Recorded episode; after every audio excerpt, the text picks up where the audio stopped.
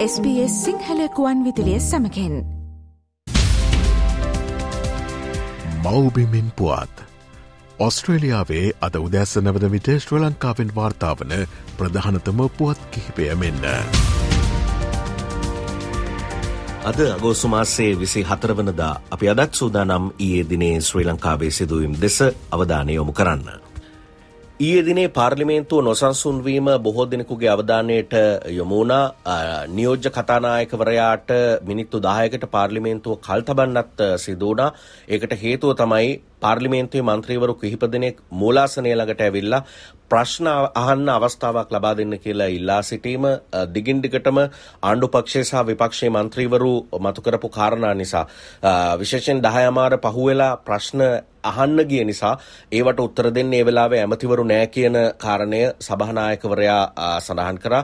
ආණ්ඩු පක්ෂයේ ප්‍රධාන සංවිධායකවරයා සඳහන් කළා ඒ අනුව විපක්ෂයටම මන්ත්‍රීවරු Taman ප්‍රශ්න අහන වෙලාවට පාර්ලිමේන්තුවේ ඇමතිවරු ඉඳලා උත්තර දෙන්න ඕන අවශ්‍යයි උත්තර දීම අවශ්‍යයි කියන කාරණය මතු කරා මේ ඒවත් එක්ක තමයි ප්‍රශ්නේ ඇති වුණේ ඒ හින්දා මන්ත්‍රීවරුන් එක්ක ඇති වුණු නොසන්සුන් තත්ත්වේ නිසා පාර්ලිමේන්තුවේ කටයුතු උදේවරුවේ මිනිත්තු 10කට කල් දාන්න අජිත් රාජපක්ෂ නියෝජ්‍ය රාජ්‍ය කතානායකවරයා කටයුතු කළා. ඒ හින්දා සමගි ජනබලවේගයේ පාර්ලිමේන්තු මන්ත්‍රී නලින් බණ්ඩාර ආණ්ඩු පක්ෂයට යොමු කරපු ප්‍රශ්නයක් හින්දා තමයි මේ සංවාදය ඇති වුණේ. අපි බලමු ඒ යොමු කළ ප්‍රශ්නය සහ ඒ අදාළ අවස්ථාව කුමක්ද කියලා. රාජ්‍ය අමතිවරයෙක් වන සාන්ත බණ්ඩාර මහත්තයා 21 වෙනිදා සඳුදා බිංගිරේ ප්‍රාසභාවේ මහජන දිනය පවත්වනවා. නාරම්මල ප්‍රාදේශ සභාවේ මහජන දිනය පවත්වනවා. ඒ වගේම ඔබතුමාලගේ පොහොට්ටුවේ බලමණ්ඩලයක් බිංගිරියේ තිබුණ 150 200ක් එකතු කරලා බිංගිරිය බෝ පොවත්ත පොලේ පොළ ළඟ තමයි ප්‍රාදේශ සභාව තියෙන්නේ. ඒතර පොහොට්ටුවෑගේ තේමේසේ බලහත්කාරයෙන් අරිනවා ප්‍රාදේශීය සභාව ඇතුලේ. මට ප්‍රශ්නයක් දෙන්න. මට කරුණා කරලා අපි 10 මානෙන් පස්සේ මේ ඇමතිවරු කවුරුත් උත්තර දෙන්නේ නැහැ. ඔබතුමා කැමති දෙයක් කරගන්න. දැන් ඔබතුමා මේ පැත්තට කියන කියන දේ කරනවා නම් අපි සූදානම් නැහැ උත්තර දෙන්න. 10 මාර වෙනකොට මේ ඇමතිවරු ගියන් පස්සේ අපිට උත්තර දෙන්න බෑ. මේක පැහැදිලිව මෙතන මේ නව කතා කියනවා වගේ කතා කරනවා. ඔබතුමාත් ඉඩ දෙනවා. ඉන් අනතුරුව අග්‍රාමාත්‍යවරයයි ආණ්ඩු පක්ෂයේ මන්ත්‍රීවරුයි උණුසුම් සංවාදයකට මැදිහත් වුණා ඒ සංවාදය සිදුවීමට අදාළ හඬ අපිට දැන් ශ්‍රවණය කරන්න පුළුවන්කමක් තිබෙනවා. ගරු මන්ත්‍රීතුමන්ලා නිශ්ශබ්ද වෙන්න ඊළඟ බිස්නස් කමිටියේදී මේ ගැන අවධානය යොමු කළා ඔව් තීරණයක් අරගෙන සභාවට දැනුම් දෙන්න කියලා මම අපේ කතානායකතුමාට දන්වා සිටිනවා. හරි ඔබතුමා ප්‍රශ්නය අහන්න. කෙටියෙන්ම අහන්න. එතකොට ගරු පොහොට්ටුවේ බලමණ්ඩලයේ බිංගිරියේ පවත්වනවා. ඔබතුමාගේ ප්‍රශ්නය අහන්න පොහොට්ටුවේ බලමණ්ඩලයේ නෙමෙයි ප්‍රශ්න අහන්න. බෑ පොට ඉන්න. එතකොට ඒක නැහැ ගරු මන්ත්‍රීතුමා. බලාත්කාරයෙන් බිංගිරිය පොළ ළඟ තියෙන ප්‍රාදේශ සභාවේ ඇතුලේ පවත්වනවා. එතකොට ප්‍රාදේශීය සභාව තියෙන්නේ පොහොට්ටුවේ බලමණ්ඩල වලට තේමේ සාරින්නද? පොහොට්ටුවේ මහජන දින පවත්වන්නද? කියලා මම අගමැතිතුමාගෙන් අහන ගමන් දාකයි යන්නේ කොහෙද මල්ලේ පොල් කියලා අහන how can you allow ඔබතුමාට ඕන්න කරගන්න බැරි නම් කියන්න. හරි බොහොම ස්තුතියි. කල් තියලා යන්න. ඔබතුමාට මෙතන ඒ විදිහට හැසිරෙන්න බෑ. මේ ගරු මන්ත්‍රීතුමාව සභාවෙන් ඉවත් කරන්න. එහෙම මාරවඩ මේක ශ්‍රී ලංකා මුහුදු සීමාවේ නැව් දෙකක් අනතුරට ලක්වීම පිළිබඳව යම් ආන්දෝලනයකුත් පහුගිය කාලේ ඇති කළා. ඒ අතරින් එක්ස්ප්‍රස් පර්ල් නැව ගිනි ගැනීම අපිට මතකයිනේ. මේ ගිනි ගැනීමෙන් නැතිවුණු පරිසර හානිය, ඒ වගේම ඒ හරහා අපහසුතාවයට පත් වූ කණ්ඩායම්ට අමරිකන්ඩොල බිලියන හය දශම හතරක වන්දයක් ගෙවන්න කියලා මේ අදාළ නැව් සමාගමට නියෝගනිකුත් කරන්න කියලා ඉල්ලලා ගොනු කරපු නඩුවක් ඔක්තොබර් මාසෙන් නවවෙනිදා ආයිමත් කැඳවන්න කොළඹ වාණිජ මහාධිකරණය තීරණය කළා. පරිසරවේදීන් ගොනු කරපු පෙත්සමක් විශේෂයෙන් පරිසරවේදිනියක වන අජන්තා පෙරේරා ආචාර්යතුමිය ඇතුළු පිරිසක් තමයි මේ පෙත්සම ගොනු කරලා තිබුණේ. පැමිණිල්ල ඉදිරිපත් කරපු කණ්ඩායම් කිව්වේ එක්ස්ප්‍රස් පර්ල් නෞකාව ගිනි ගැනීම නිසා ලංකාවේ සාගර තීරයට වගේම ඒ සම්බන්ධ පරිසර පද්ධතියට දැඩි හානියක් සිදු වුණා කියන කාරණය ඒ හින්දා වන්දි ගෙවන්න කියලා අදාළ පාර්ශවවලට නියෝග කරන්න කියලා පැමිණිලිකරුවෝ කොළඹ වාණිජ මහාධිකරණයෙන් ඉල්ලලා තිබුණා. ඒ අනුව තමයි මීට අදාළ නඩුව ඔක්තෝබර් මාසේ නවවෙනිද කැඳවන්න කොළඹ වාණිජ මහාධිකරණය තීරණය කළේ.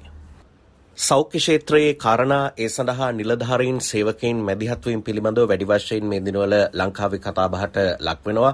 දැන් අද දිනේදී හෙද පරිපූර්ණක වෛද්‍ය සේවා බලමණ්ඩලය රෝහල් වල සංකේත වැඩවර්ජනයක් ආරම්භ කරන්න සූදානම් වෙනවා. පිළිකා රෝහල් ළමා සහ මාතෘ රෝහල් ආදී රෝහල් කිහිපයක මේ වර්ජනය ක්‍රියාත්මක වෙන්නේ නැහැ කියලා තමයි ඔවුන් සඳහන් කළේ. විශේෂයෙන්ම බඳවා ගැනීම ප්‍රමාද කිරීම උසස් වීම විෂමතා මේ ආදී ඉල්ලීම් හතක් මුල් කරගෙන තමයි මේ සංකේත වැඩවර්ජනය අද ආරම්භ කරන්න නියමිත වෙලා තින්නේ. උදේ 8 ඉඳලා මේ වර්ජනය ක්‍රියාත්මක වෙනවා. මේ සඳහා රසායනාගාර විද්‍යාඥ වෘත්තිකයෝ ඒත් එක්කම ඖෂධවේදීන් විකිරණ තාක්ෂණවේදීන් බෞද්ධ චිකිත්සකවරුන් මේ ආදී ක්ෂේත්‍ර කීපයකට අදාළ නිලධාරීන් මේ වැඩවර්ජනයට එක්කාසු වෙන්න නියමිත වෙලා තියෙනවා. ඉතින් ඒ අනුව ඔවුන් අද මේ ක්‍රියාමාර්ගය අරගනිද්දී අර මම කලින් සඳහන් කළා වගේ ළමා රෝහල් මාතෘ රෝහල් සහ පිළිකා රෝහල් ආශ්‍රිතව එය ක්‍රියාත්මක නොකරන බවත් රෝහල් වල අවශ්‍යතාවය මත ඉල්ලීම් කරොත් ඒ සේවය ඔවුන්ට ලබා දෙන්න පුළුවන් බවත් සඳහන් කළා. ඒ පිළිබඳව ඊයේ දවසේ අදහස් දැක්වීමුත් විවිධ පාර්ශ්ව විසින් සිද්ධ කළා. මේ වර්ජන ක්‍රියාමාර්ගය හින්දා CT පරීක්ෂණ, X-ray පරීක්ෂණ, MRI පරීක්ෂණ, සියලු රසායනාගාර පරීක්ෂණ, ඖෂධ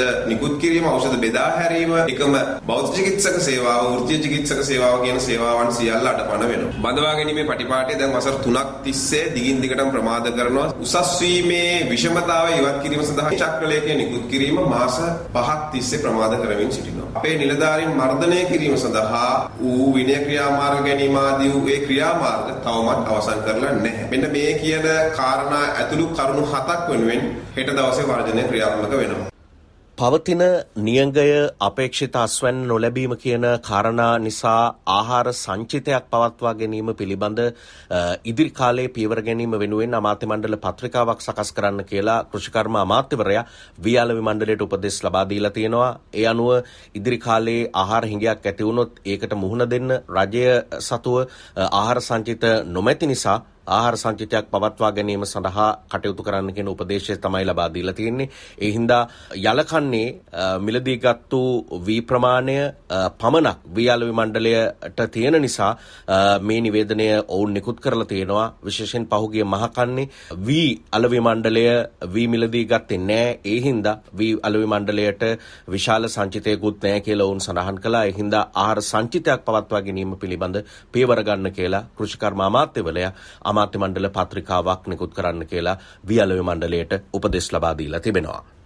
රනිල් වික්‍රමසිංහ ජනාධිපතිවරයා දේශගුණික විපර්යාසවලට මුහුණ දීමේදී ශ්‍රී ලංකාව ඊට මුලපිරීම හා එහි ප්‍රගතිය සමාලෝචනයට ජනාධිපති කාර්යාලයේ විශේෂ සාකච්ඡාවක් ඇඳවලා තිබුණා.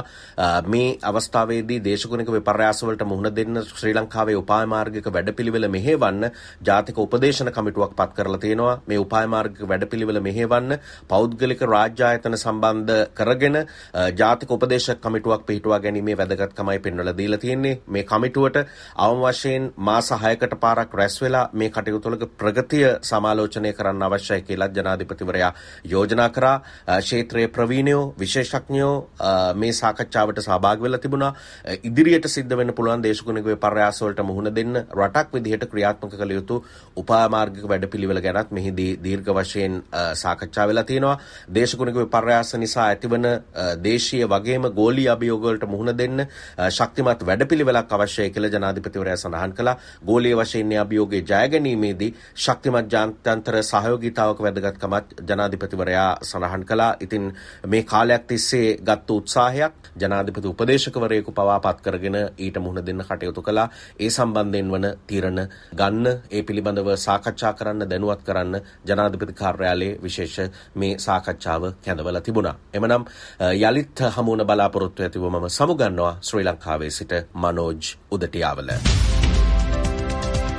මව්බිමෙන් පුවත් ශ්‍ර ලංකාවෙන් වාර්තාාවන ප්‍රධානතම පුවත් කිහිපය SBS සිංහල සේවෙන්.